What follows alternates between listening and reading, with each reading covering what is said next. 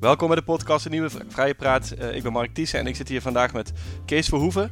En Kees was Tweede Kamerlid voor D66 en ondervond aan den lijve hoe in Den Haag het spel wordt gespeeld, hoe je tot resultaten komt, hoe je in de media komt en ook hoe die dingen niet altijd met elkaar overeenkomen. En dat zag hij als Kamerlid, maar ook als campagneleider, als vice-fractievoorzitter, als IT-politicus van het jaar. En na zijn Kamerlidmaatschap uh, uh, schreef, hij het boek De Democratie Crasht waarin hij beschrijft hoe onze democratie moeite heeft om zich aan te passen aan allemaal digitale innovaties die de afgelopen decennia erbij zijn gekomen. Denk aan social media, internet en andere digitale revoluties. En ik ga met hem daarover in gesprek. Over de komende digitale revoluties ook, maar ook over het werken als Kamerlid en hoe tech uh, ja, een grote invloed uitoefent op hoe onze democratie functioneert. Kees, welkom. Superleuk dat je er bent.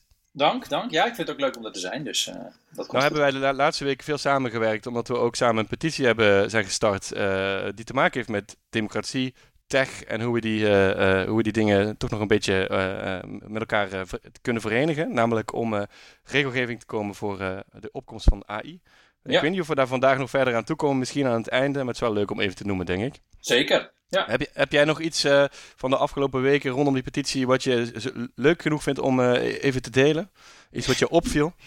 Nou, wat, wat, wat gewoon heel opvallend is, is dat, dat, dat wij nu met heel veel betrokken mensen uh, op allerlei plekken, vanuit allerlei invalshoeken, heel veel energie hebben gestopt in dit, in dit onderwerp. En dat het opvallend blijft voor mij dat het in de Tweede Kamer nu wel enige weerklank gevonden heeft dankzij de petitie. Maar dat de petitie dus echt nodig was. En dat je gewoon ziet dat, dat het voor de politiek helemaal niet zo vanzelfsprekend thema is. Terwijl als je praat met bedrijven, wetenschap, uh, burgerrechtenorganisaties, uh, maar ook bijvoorbeeld schrijvers, uh, kunstenaars enzovoort. Die hebben allemaal zoiets van, dit is enorm, dit gaat heel veel impact hebben. En dan zie je gek genoeg toch dat de politiek echt, in ieder geval de nationale politiek, echt moeite heeft om het onderwerp op een goede manier te agenderen. Ja. En, nou ja, we hebben allebei lang in die, in, die, in, die, in, die, in die vierkante meter van Den Haag rondgelopen. En toch was ik daar ook dit keer weer verrast over hoe, hoeveel moeite je moet doen om zo'n evident onderwerp onder aandacht te krijgen. Ja, en nou gaat er een groot deel van jouw boek ook hierover eigenlijk. Hè? Dus dat, dat het heel moeilijk is voor uh, onze democratie, onze politiek, om op tijd te kunnen handelen. Uh, uh, wanneer er een nieuwe technologische revolutie ontstaat. Um, zie jij overeenkomsten met wat er nu gebeurt uh, bij AI en wat jij eerder hebt meegemaakt ook op het gebied van sociale media, data, dat soort dingen? Ja, eigenlijk wel. Kijk, AI is op dit moment denk ik uh, de meest uh, manifeste technologie, digitale technologie qua impact op dit moment. Maar als je terugkijkt, er zijn natuurlijk een aantal verschillende technologieën of toepassingen geweest die heel veel impact hadden. Internet zelf, social media, maar ook allerlei zaken op het gebied van encryptie, cybersecurity, allerlei dreigingen, ICT, datalekken. Er zijn, er zijn steeds allerlei componenten die, die de afgelopen decennia ja, op de agenda kwamen. en eigenlijk zie je steeds dat de politiek het moeilijk vindt om dan, zoals vaak bij andere onderwerpen, op de een of andere manier wel wat, wat voor de hand liggender lijkt om dan iets te doen, om dan in, in actie te komen. Dus ik heb ook daarover nagedacht van waarom, waarom lukt het nou maar niet om digitalisering goed op de politieke agenda te krijgen? Nou, een paar redenen zijn natuurlijk wel duidelijk. Het is, het is grensoverschrijdend, het is best wel complex. Eh, er zitten ook heel veel publieke en private uh, uh, partijen door elkaar heen. Dus dat maakt het moeilijker om daar op, op, in, op in te grijpen.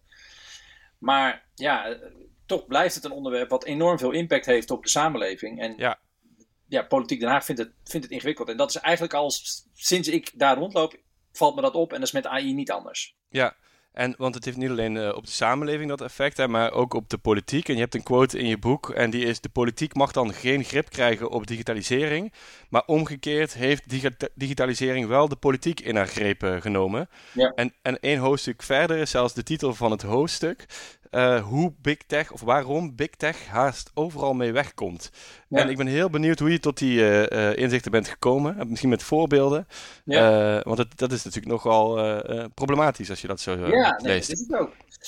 Nou, in, in de tijd dat ik Tweede Kamerlid was, met name dan vanaf de laatste vijf, zes jaar, dat ik me steeds met dit onderwerp begon bezig te houden eerst was ik eh, heel erg druk met, met inderdaad campagnes en, en was ik echt D66 en uh, ook heel erg probeerde mezelf op de kaart te zetten. Maar in de laatste helft van mijn Kamerlidmaatschap ging ik heel erg op die digitalisering steeds meer in.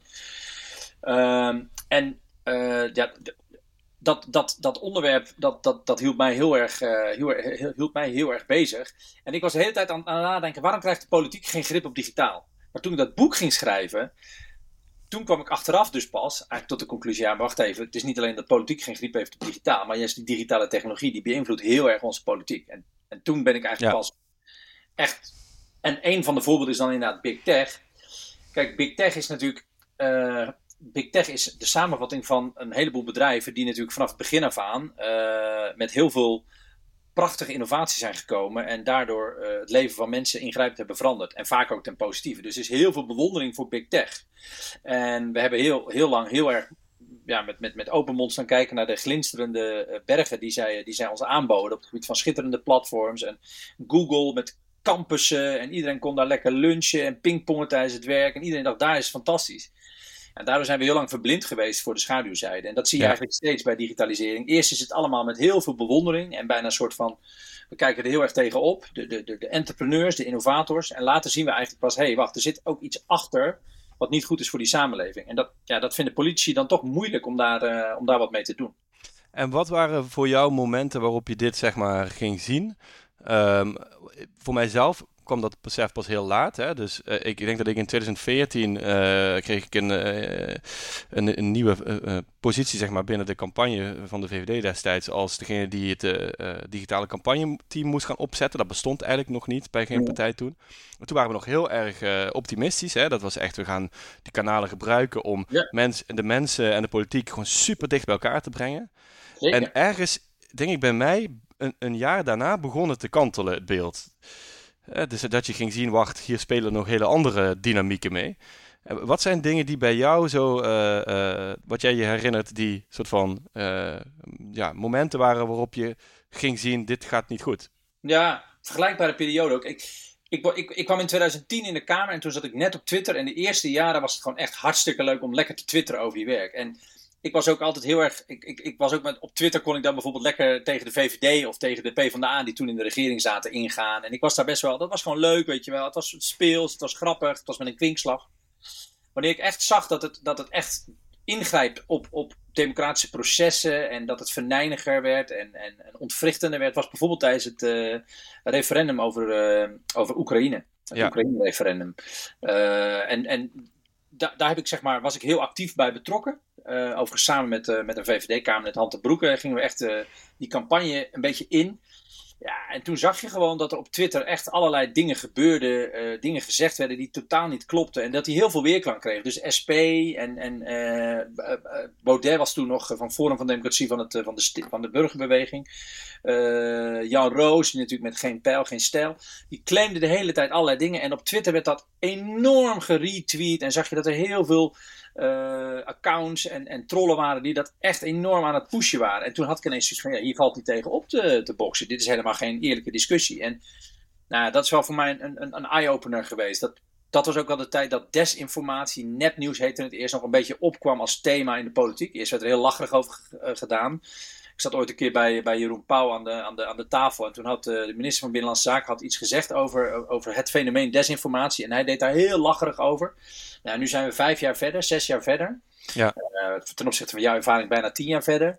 Ja, en nu is het gelukkig wel zo dat we echt met z'n allen wel doorhebben dat social media wel echt uh, uh, ja, negatieve impact hebben op onze democratie. Maar ja. het heeft heel lang geduurd voordat we dat doorkregen. Het heeft heel lang geduurd voordat we het doorkregen. En daarnaast, eigenlijk wat jij, waar jij daarnet ook over had, weten we nog steeds niet zo goed hoe we het zouden moeten beteugelen. Klopt. Kijk, we hebben heel veel geprobeerd. Hè? Dus als je, naar, even, als je naar Big Tech kijkt, dan kun je een aantal dingen opzommen. Ze, schenden privacy. Uh, ze betalen hun personeel uh, uh, vaak slecht. Ze zorgen dat allerlei creatieve makers ook hun auteursrecht niet altijd krijgen. Ze ontduiken heel veel belastingregels. ze zijn verspreiders van, van, van desinformatie en nemen daar niet de verantwoordelijkheid. Dus je kunt een hele reeks aan, aan, aan dingen opzommen waarvan je kan zeggen: ja, Big Tech is niet zo heel erg goed voor onze samenleving. en toch vind het op de een of andere manier heel moeilijk om, om, ze, echt, ja, om ze echt op dat gebied aan te pakken. En, en komen we vaak met symptoombestrijding. Dus je hebt bijvoorbeeld wel ja, de privacywet uh, uit Europa, die heeft wel heel veel invloed. Maar daarmee beteugel je eigenlijk alleen maar het gevolg van dat verdienmodel. Dus wat je echt moet doen, en dat vinden politici heel moeilijk, is echt het verdienmodel. Ja. En dat is gewoon data en advertenties uh, uh, verkopen. Dat moet je aanpakken. Dus het, het, het, het, het echte probleem zit hem natuurlijk op het feit dat, dat die platforms willen jou zo lang mogelijk daar houden. Dat doe je met controversiële content. En als je daar zo lang mogelijk bent, kun je een goed profiel van jou opbouwen. En dan kun je de juiste advertentie verkopen. En dan heb je zeg maar het meest geld verdiend. Nou, dat verdienmodel moet je echt aanpakken. Omdat er anders blijft polarisatie lonen. En blijf je dus zien dat, dat, dat platforms als Twitter en, en Facebook ja, leiden tot, tot polarisatie. Uh, die goed is voor, uh, ja, voor de eigenaars van die bedrijven. In, in, in dat licht, hoe zie jij de rol van uh, Elon Musk bij Twitter? Want uh, ja, mensen zijn er vrij negatief over. Ik denk, ik zelf qua gevoel ook. Tegelijkertijd, als ik erover nadenk, is hij precies dat aan het doen wat jij net zegt. Hè? Zonder daar regelgeving voor nodig was, is hij aan het proberen om het, om het verdienmodel te verschuiven naar betalende gebruikers. Ja, nou, bij, bij, bij, bij Elon Musk is het heel moeilijk om te duiden. Kijk, er zijn mensen die zijn, zijn blinde voorstander van. Die zeggen, ja, hij heeft meer gedaan voor duurzaamheid in de wereld dan menig politicus. Nou, daar kan je van zeggen, nou, met die Tesla-ontwikkeling. Misschien klopt dat. Uh, aan de andere kant, hij zegt over Twitter en over vrijheid van meningsuiting, zegt hij dingen waar ik het fundamenteel mee oneens ben. Hij zegt eigenlijk gewoon, je moet alles kunnen zeggen en daar wil ik geen begrenzing op. Nou, dat mm. is wat mij betreft een van de grootste problemen op dit moment van social media. Is dat je eigenlijk uh, onder het mom, onder het valse mom van vrijheid van meningsuiting, eigenlijk zegt dat elke vorm van bedreiging, intimidatie, totale belediging, vernedering, dat dat allemaal maar moet kunnen. En dat we daar allemaal maar van moeten zeggen, ja, vrijheid van meningsuiting. En als je er dan wat mee wil doen, ja, je, bent, je wil censuur, krijg je dan te horen. Ja. Nou, daar zijn politici heel bang voor. Dus Musk heeft aan de ene kant een hele verkeerde opvatting in mijn ogen van, van onbegrensde vrijheid om maar te zeggen en te roepen en te vernederen en te intimideren. Aan de andere kant probeert hij inderdaad wel iets met die vinkjes te doen en zo, om, om daarmee betaalde abonnees te krijgen. Ja, een betaalde vorm van abonnees haalt in ieder geval een deel van die prikkel weg. Dus als hij dat echt doorzet, zonder, uh, zonder dat, ja, dat giftige verdienmodel ernaast te houden, dan, dan is het een goede stap. Anders is ja. het winstbeslissing. Ik ben wel benieuwd of mensen zich ook anders gaan gedragen, zeg maar. Als je betaalt voor een platform, of je dan ook eerder geneigd bent om eraf te gaan als je daar voor rotte vis wordt uitgescholden of weet ik veel wat. Het is een soort van, als je geld geeft ja, om... Uh... Het, is, het is natuurlijk wel zo dat... Het is niet zo dat iedereen zich op dezelfde manier daar gedraagt. Er zijn gewoon heel veel mensen die vooral uitdelen. Uh, en, en er zijn ook uh, heel veel mensen die relatief veel incasseren en zelf niet zoveel uitdelen. Dus ik denk dat daar het gaat heel erg over omgangsvormen. Mensen die het ja. gewoon niet normaal vinden om iemand gewoon helemaal af te zeiken, ja, die zijn eigenlijk voor het grootste deel al langzaam uh, de conclusie ja. dat Twitter gewoon niet de place to be is. Ja. En dat is denk ik ook uiteindelijk het probleem van Twitter zou ook wel eens kunnen zijn dat gewoon de, de wat redelijkere mensen uiteindelijk van de platform verdwijnen. En dat is natuurlijk uiteindelijk nooit goed, want je wil juist een breed platform hebben waar iedereen met elkaar in gesprek is. En op deze manier loopt dat niet, omdat er gewoon geen regels zijn om het gesprek normaal te voeren. En dat is precies dat optimisme van jou, van ja, we gaan de democratie verbeteren, dat mensen makkelijk met politiek in contact kunnen komen en politici kunnen hun ideeën beter overbrengen aan het volk. Ja, daar is een goed gesprek voor nodig. En dat goede gesprek is helemaal niet mogelijk op die platforms. Nou, dat is precies wat, wat ik al destijds als uitgangspunt had. Is we moeten alles doen om gesprekken te krijgen tussen mensen en politici. En daar gingen wij dus, uh, we gingen als eerste gingen we reageren op social media tegen mensen die het zeiden. We gingen als eerste gingen we livestreams doen met politici, waarbij mensen gewoon vragen konden stellen en gesprekken. En dat ging toen nog net. Maar een jaar later zag je dat dat gaat eigenlijk gewoon niet meer. Nee, Uh, dat, is, dat ging vrij rap, ging dat van we gaan goede gesprekken voeren naar er is eigenlijk geen gesprek mogelijk. Dus dat was wel, uh, dat was wel bijzonder om, om te zien, die ontwikkeling. Dat, dat, is het, uh, dat, dat, dat, zag je eigenlijk, die, dat, je zag dat blinde optimisme toen, toen internet kwam. Dat zou, de economie zou voor eeuwig groeien. we zouden allemaal in de democratie komen te leven, want internet was de stuwende bevrijdende kracht. Tien jaar later, vijftien jaar later, social media. Hetzelfde verhaal. Ja, gaat geweldig worden. Uh, Arabische lente, verbinding. Uh, kloof gaat uh, kleiner worden. Mensen kunnen de politici direct aanspreken. Goede dialogen. En nu AI. Ja, je ziet het eigenlijk weer een beetje. Dat, dat, dat er toch vooral heel veel aandacht is voor alle fantastische mogelijkheden om ons werk en ons leven simpeler te maken met AI. En ook daar zul je gewoon zien, als het in, in de handen is van mensen die er vooral geld aan willen verdienen, ja, dan, dan is het natuurlijk wel een, een, een gevaar. Want dan zul je altijd zien dat er geen goede maatschappelijke uitkomsten zijn. Ja. Want ja, commerciële drijfveren en maatschappelijke uh, meerwaarde gaan gewoon heel lastig samen. Ja. Um, even de stap zetten naar de democratie uh, als uh, systeem, waarvan jij eigenlijk waarschuwt dat het systeem is aan het crashen. Ja. Uh, wat ik leuk vind is, in jouw boek begin je met eigenlijk een reflectie op je eigen Kamerlidmaatschap. En daar zeg je, in mijn eerste zes jaar als Kamerlid was ik vooral bezig met mijn partij en met mezelf.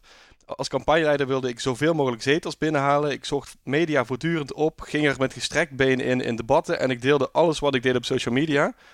En zonder dat ik het door had, ging dit ten koste van mijn kerntaak als volksvertegenwoordiger, namelijk wetten doorlichten, de regering controleren en de democratie bewaken.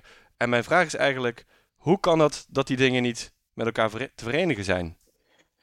Uh, nou, ik denk dat als je de Kamer binnenkomt, geldt voor de meeste mensen dat je uh, misschien al wel wat langer actief bent geweest uh, in en om het uh, gebouw. Uh, tegenwoordig zie je ook wel een trend dat er steeds meer mensen actief worden in de Kamer die ook al een lange tijd daar gewerkt hebben als medewerker of als ook wel veel mensen die in de lokale of provinciale politiek gezeten hebben. Maar voor mij gold in ieder geval dat ik totaal geen politieke ervaring had. Ik kwam daar binnen en het ging, vanaf dat moment ging het vooral, in die tijd was het gewoon heel belangrijk, ja, je moet zichtbaar zijn, je moet in de media komen, je moet, de partij moet uh, in het voetlicht komen en jij bent een van de mensen die daar, die daar een rol in speelt. D66 kwam natuurlijk we hadden drie zetels uh, in, in, in de tijd dat ik zeg maar bij D66 uh, uh, kwam. Hè? En eh, toen ik wegging hadden we er, eh, wat is het, 24 hebben we er geloof ik nu. Dus we waren natuurlijk helemaal op het allergrootste dieptepunt. En iedereen was erop gericht om D66 groter te laten worden. En dat moest gewoon gebeuren via zichtbaarheid, assertiviteit. Dus misschien was het ook wel een beetje onderdeel van de fase van bij de partij waar ik binnenkwam. Maar meer in het algemeen. Elk Kamerlid wordt gewoon gedwongen om zichtbaar te zijn, om, om in beeld te zijn. Uh, en dat, dat, dat zit hem natuurlijk op het feit dat de partij graag wil dat je in beeld bent, want ja, dan zet de partij jou de volgende keer hoog op de lijst, want dan gaan mensen op jou stemmen en dus op de partij. Maar het zit hem ook op een persoonlijk niveau. En dat, dat, dat, dat vertel ik ook altijd uh, als het gaat over ja, waarom, waarom is het dan zo belangrijk om in beeld te zijn? Niet alleen maar voor D66, maar ook voor jezelf. Je bent Tweede Kamerlid, dan kom je op je verjaardagsfeestje. En dan zeg je, ja, wat doe je eigenlijk? Ja, ik ben Tweede Kamerlid. Oh, dat wist ik helemaal niet. Oh, weet je wel. Nou, dat voelt bijna altijd als een soort van ik had jou moeten kennen, maar blijkbaar ben je niet bekend. Maar mm. hoe komt dat dan? Weet je wel? Ja. Ik ken alleen maar uh, Jesse Klaver en Alexander Pechtold. Nou, dus je hebt gewoon heel vaak word je geconfronteerd met het feit dat je heel erg bezig bent met je werk, maar dat niemand er eigenlijk van af weet. Dus wat je heel graag wil, is toch je, je, je werk, je inzet zichtbaar maken. En dat moet gewoon via de media. En doordat het via de media moet, ben je dus heel erg gericht op hoe kan ik nieuws creëren. Nou, dat, dat nieuws creëren is iets heel anders dan de regering controleren. En die twee dingen, die, die, ja, die, die botsen. Want je kunt, je ziet gewoon dat media heel graag willen, willen schrijven over uh, veelbelovende politici, opkomende mensen, nieuwe plannen, voorstellen die een meerderheid hebben in de Kamer. Dat soort dingen vinden media interessant. Maar een, een, een, een, saaie, een saaie analyse van een wetstekst die uiteindelijk tien jaar later heel veel invloed gaat hebben ja, daar vinden media uh, ook helemaal niet interessant om over te schrijven. Dus ze schrijven ook vaak over de dingen die, uh, die aan de oppervlakte zijn. En niet zozeer over het ja, echte kamerwerk. Dus het, het is eigenlijk een botsing tussen korte en lange termijn, zou je kunnen zeggen. Ja, ja, jij noemt dat in jouw uh, boek. Uh, je zegt er zijn drie systeemfouten in de democratie. En één daarvan is deze, de scoringsdrang. Ja. Wat mij zelf, wat mij altijd opvalt, is dat er wordt veel gesproken over de politieke cultuur in Den Haag en wat daarmee mis is. Uh, maar het wordt bijna altijd bekeken vanuit uh, bestuurders zijn, hebben een verkeerde cultuur en, en politici hebben een verkeerde cultuur. Maar die opereren natuurlijk in een dynamiek waarin media heel belangrijk zijn en ook andere uh, groepen mensen. En dat wordt vaak over het hoofd gezien. Hè? Dus jij zou als Kamerlid kunnen hebben, je om een dag wakker worden en denken: oké, ik ga daar helemaal niet meer in mee. In die scoringsrang ga alleen maar wetten controleren. maar ja, dan was je dus nooit meer in de pers gekomen. Dan was je dus ook nooit een aanstormend politiek talent geweest volgens uh, de Volkskrant of zo. En uh, dus, dus, je kan dat niet los van elkaar zien natuurlijk. Nee, en dat is absoluut zo. Ik, even over die cultuur. Het gaat altijd over de bestuurscultuur. En in mijn boek zeg ik eigenlijk, er zijn drie systeemfouten. Uh, en er zijn ook eigenlijk drie verkeerde culturen. Namelijk de eerste systeemfout gaat ook echt wel over, die, over dat wantrouwen in de burger. En dat is ook wel de bestuurscultuur. Maar de andere twee systeemfouten gaan veel meer over uh, de, de verkeerde manier van, van, van debatteren. Dat noem ik eigenlijk een, een foute debatcultuur. Nou, dat is elkaar dus de hele tijd ja. Uh, proberen zwart te maken en helemaal niet meer naar mekaars inhoudelijke argumenten luisteren. En het laatste is eigenlijk uh, de, de, de, de werkcultuur. En dat bedoel, daar bedoel ik mee dat, dat politici eigenlijk voortdurend gedwongen worden 24-7 online aanwezig, betrokken te zijn. En eigenlijk nooit afgesloten, rustig, na een goede nachtrust uh, geconcentreerd kunnen werken. Ja. Dus, dus ik vind dat je als je alleen over de bestuurscultuur praat, dan is het te smal. Je hebt ook een, een, een vergadercultuur en een, en, een, en een werkcultuur die anders zou moeten. Um, en en dat, ja, dat is zeg maar echt van belang. Maar die balans vinden in die scoringsdrang en aan de andere kant die inhoud, dat, daar heb je helemaal gelijk in. je moet ook voor een deel zichtbaar zijn. Want als politicus ben je volksvertegenwoordiger. Dus je moet ook laten zien waar je mee bezig bent. Je moet ergens voor staan. Je kunt niet in een afgesloten kamer via je, ja, je werk doen. En er dan op vertrouwen dat iedereen wel, wel, wel weet dat het goed is wat je gedaan hebt. Dus je moet ook vertellen wat je doet. Je moet ook een visie hebben enzovoort. Dus het, het is inderdaad een evenwichtsoefening. Dus aan de ene kant de inhoud goed, goed uh, tot je nemen en daar scherp op zijn. En aan de andere kant ook weer goed en simpel en duidelijk uitleggen wat je aan het doen bent aan een grotere groep mensen die jij vertegenwoordigt. En dat is denk ik de kern van het Kamerlidmaatschap. Om die twee op een juiste manier in evenwicht te brengen. En mijn punt is eigenlijk dat het te veel is doorgeslagen naar die buitenkant, die oppervlakte, die korte termijn. En dat die, dat die inhoud daarmee steeds meer in het gedrang komt. Dus wat mij betreft is het niet zwart-wit, maar is het wel nu te veel één kant op aan het doorslaan. En zelf heb ik in mijn laatste jaren geprobeerd om die digitale onderwerpen echt de diepte in te gaan en tegelijkertijd wel ook op de agenda te krijgen. En dat lukte aardig. Dat lukte in ieder geval beter dan in mijn eerste Kamerlidjaar, waarbij ik vooral bezig was met plannetjes waarvan ik nu denk, ja, dat had ik helemaal niet hoeven bedenken toen, maar waarmee ik toen wel in de, in de media kwam. Is dat ook een pleidooi voor dat Kamerleden eigenlijk wat langer uh, blijven zitten? Ja, eigenlijk wel. Ik, ik zie eigenlijk dat de Kamerleden die langer zitten, en vooral de Kamerleden die niet meer zo afhankelijk zijn van de keuze van een partij of uh, de waardering van het publiek, die echt een beetje hun eigen plan kunnen trekken, die een vorm van onafhankelijkheid hebben echt als Kamerlid, terwijl ze niet afhankelijk zijn van een partij, dat die het vaak het beste doen. Uh, en zelf was ik in die laatste jaren ook. Ik had al in 2018 had ik eigenlijk al besloten ik ga weg. En ik ging dus uiteindelijk pas in 2021 weg. Dus die laatste drie jaar maakte het ook niet meer zoveel uit. En dat, dat gaf een bepaalde vrijheid om mijn werk op, op, een, op een manier te doen die, die ik zelf wel heel prettig vond. Ja. Dus dat hielp mij wel. En ik denk dat langer blijven zitten ook helpt. Want dan krijg je ook gewoon wat meer door wat je als Kamerlid precies moet doen. En ik vind het ook heel van belang dat mensen die nieuw in de Kamer komen ook echt leren wat is nou eigenlijk precies mijn, mijn grondwettelijke taak en, en wat, wat, wat, wat, wordt er van mij verwacht. Want ik denk dat heel veel Kamerleden zich daar eigenlijk helemaal niet zo bewust van zijn. Ja, wat ik interessant vind, ik ga even proberen een paar dingen aan elkaar te koppelen. Uh, is dat jij in je boek uh, schrijft over het systeem democratie, wat een aantal systeemfouten in zich heeft. Dan heb je het over de invloed van nieuwe technologie uh, op, hè, dus, dus hoe machtig die eigenlijk is.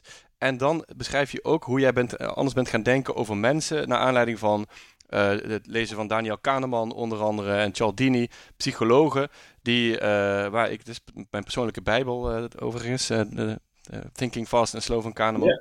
Yeah, yeah. waardoor je ineens, de mensen ineens in een ander licht gaat zien, namelijk als, als een wezen dat vrij automatisch opereert en helemaal niet zo rationeel, Kahneman houdt er niet van geloof ik als je dat woord gebruikt, maar handelt dan we denken. En die koppeling van die drie dingen, dan zeg je eigenlijk, kan je eigenlijk zeggen dat die, die enorme invloed van technologie, die versterkt juist die systeemfouten in de democratie en ook die kanten van de mens die heel erg, hoe laten we zeggen, beïnvloedbaar zijn. Ja. En dat zorgt voor een soort van hele giftige cocktail van uh, uh, factoren. Ja, ik noem het in, precies, dat, dat vat je mooi samen. Ik noem dat zelf in mijn boek de waanzinnige wisselwerking. Je hebt inderdaad aan de ene kant dat, dat primitieve oerbrein van de mens. Wat er, wat er eigenlijk al uh, sinds, sinds, sinds vele duizenden, uh, miljoenen jaren in ontwikkeling is. Maar eigenlijk, psychologen, ook Nederlandse psychologen, zeggen eigenlijk lijkt het brein van een mens best wel op dat van een rat. We hebben hele primaire drijfveren nog steeds.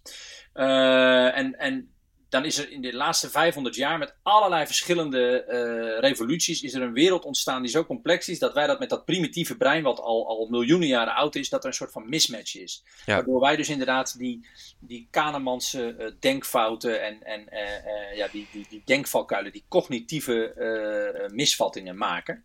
En daar heeft de psychologie de afgelopen 50 jaar heel veel onderzoek naar gedaan. En het blijkt gewoon dat er nou, zijn zo'n 130 menselijke denkfouten ontdekt door psychologen uh, over te snel oordelen. Als iemand knap is, denken we gelijk dat die persoon ook slim is. Uh, we, we, oordelen heel snel over situaties. We handelen alleen op basis van wat we zien, terwijl er ook heel veel is wat we niet zien, wat wel degelijk invloed heeft. Urgente, concrete dingen vinden we veel dreigender dan langzame en geleidelijke veranderingen, terwijl die laatste categorie vaak veel meer impact heeft. Nou, er zijn talloze, maar ook op het gebied van koop en, en voorkeuren. Is zelfs een IKEA-effect. Als je zelf iets gemaakt hebt, dan vind je het lastiger om dat te verkopen dan wanneer je iets niet zelf gemaakt hebt. Dus er zijn allerlei manieren van oordelen vellen over ons leven, die, uh, waarbij we zeg maar ja, biases hebben, fouten maken. En, en uh, daarnaast heb je dan inderdaad gewoon die, die digitale invloeden, die, die, die zorgen dat de mensen eigenlijk een beetje doorslaat in bepaald gedrag dat een politicus ijdel is van alle tijden, maar dat je met, met social media jezelf de hele dag voorop kan stellen, dat, dat heeft invloed. Dus ik zeg eigenlijk, die, die digitale systeemfouten en die, die psychologische denkfouten, die, die, die haken eigenlijk op elkaar in. Die, die, die versterken elkaar eigenlijk steeds meer. En, en dat geeft een soort van negatieve spiraal waar we, waar we uit moeten komen. Want die, die beïnvloedt onze, ja, uiteindelijk ons vermogen om op een goede manier tot besluiten te komen. En, en dat is ook in feite hoe jij denkt zo crasht de democratie als we dat geen halt kunnen toe, toe ja, uh, roepen. Ja, en ik, ik, ik, ik on, dat, dat crashen, daar vragen mensen heel vaak van... Jeetje keus, uh, dat is nogal een pittige titel. Uh, hoe kom je daarbij? En dan zeg ik altijd, nou... Er zijn een aantal manieren waarop je echt ziet dat de democratie crasht. Allereerst, er vallen gewoon politici om die het werk gewoon niet meer volhouden. Omdat ze gewoon helemaal, ja, letterlijk doorgedraaid raken. maar ook zie je gewoon bijvoorbeeld dat de overheid door gebruik te maken van allerlei digitale middelen, data, technologie, algoritmes, ook echt heel vaak de wet overtreedt. En het overtreden van de wet, dat is eigenlijk gewoon uh, een basisprobleem. Als de overheid zich niet aan de wet houdt, ja, dat past ook niet in een democratische rechtsstaat. Dus in die zin vind ik ook dat de democratie crasht. Uh, de overheid moet zich aan de wet houden, ook als ze data inzetten of, of digitale technologie inzetten. Ja, en het grootste probleem vind ik wat ik net eigenlijk zei. Ik zie eigenlijk er wordt heel vaak over crisis gesproken in deze tijd. Hè. Er, is een, er is een stikstofcrisis, er is een energiecrisis, er is natuurlijk een oorlog, uh, er is een koopkrachtcrisis, uh, er is een onderwijscrisis. Nou, er zijn allerlei crises. Uh, klimaatcrisis. Maar de grootste crisis in mijn ogen is een, is een besluitvormingscrisis. En daarmee bedoel ik dat, dat het politieke systeem het bijna onmogelijk maakt. Ook door versnippering en fragmentatie en steeds meer deelbelangen. Maar dat het eigenlijk onmogelijk is om ja, tot goede, rustige, gedegen besluitvorming te komen. En dat vind ik ook zorgelijk. En misschien om af te sluiten, wat is, als, je, als je één ding zou mogen doen om daar verbeteringen in aan te brengen, wat zouden we dan, of zou jij dan willen doen? Smartphones uit de Tweede Kamerzaal. Ik heb geprobeerd in mijn boek een aantal bredere, wat meer filosofische randvoorwaarden te schetsen, zoals ruimte voor twijfel en organiseren van tegenspraak. Maar ik, vond, ik moet ook met een aantal concrete dingen komen. Ik ben, je hebt van die filosofen die dan hele mooie probleemanalyses maken, maar dan uiteindelijk niet met een oplossing komen. Dat vind ik altijd heel pijnlijk, vind ik lastig. Ik hou ook heel erg van detectives, want ik hou van een plot, een eind. Dus ik dacht, ik moet ook met concrete dingen komen. En toen dacht ik van ja, oké, je zou bijvoorbeeld een kiesdrempel kunnen invoeren. Of dit. Maar het grootste probleem is gewoon die smartphone die de hele tijd in die debatten alle aandacht wegkaapt. En ook nog eens zorgt voor het hele tijd verspreiden van filmpjes, scherpe momenten, tweetjes, uh, een interruptie, gelijk op internet zetten en daar dan mee bezig zijn. Dus als die smartphone uit de vergaderzaal is, net als uit de schoolklas, dat zou al een hele grote stap zijn. Dat zou echt al een slok op een borrel schelen. Nou, dan eh, gaan we dat uh, regelen, toch? Ja, ik dacht misschien, we hadden het in het begin even over onze AI-petitie. Ja. En uh, je hebt allemaal, je hebt nog een plan voor een petitie, begreep ik, op het gebied van NVV. Maar, ja, een nieuw stadion. die laat ik even aan jou. Maar ik dacht, misschien moeten we over een, een jaar of zo, of nou, richting de volgende verkiezingen de Tweede Kamer, moeten we een petitie beginnen, smartphone de Kamer uit. Dat, ja. dat lijkt me nog wel een mooie, mooie actie. Ik doe mee dan moet jij wel meedoen aan die andere petitie voor een nieuw stadion voor MVV. Daar moeten we nog even over hebben. Oké, okay, ja, dat is goed. Dat doen we dan straks. hey, bedankt uh, voor ja. jouw tijd. Uh, het, was, uh, het was interessant en een genoegen. Ik hoop dat je nog een mooie dag hebt. Jij ook en dankjewel dat ik mocht zijn. Super, dankjewel.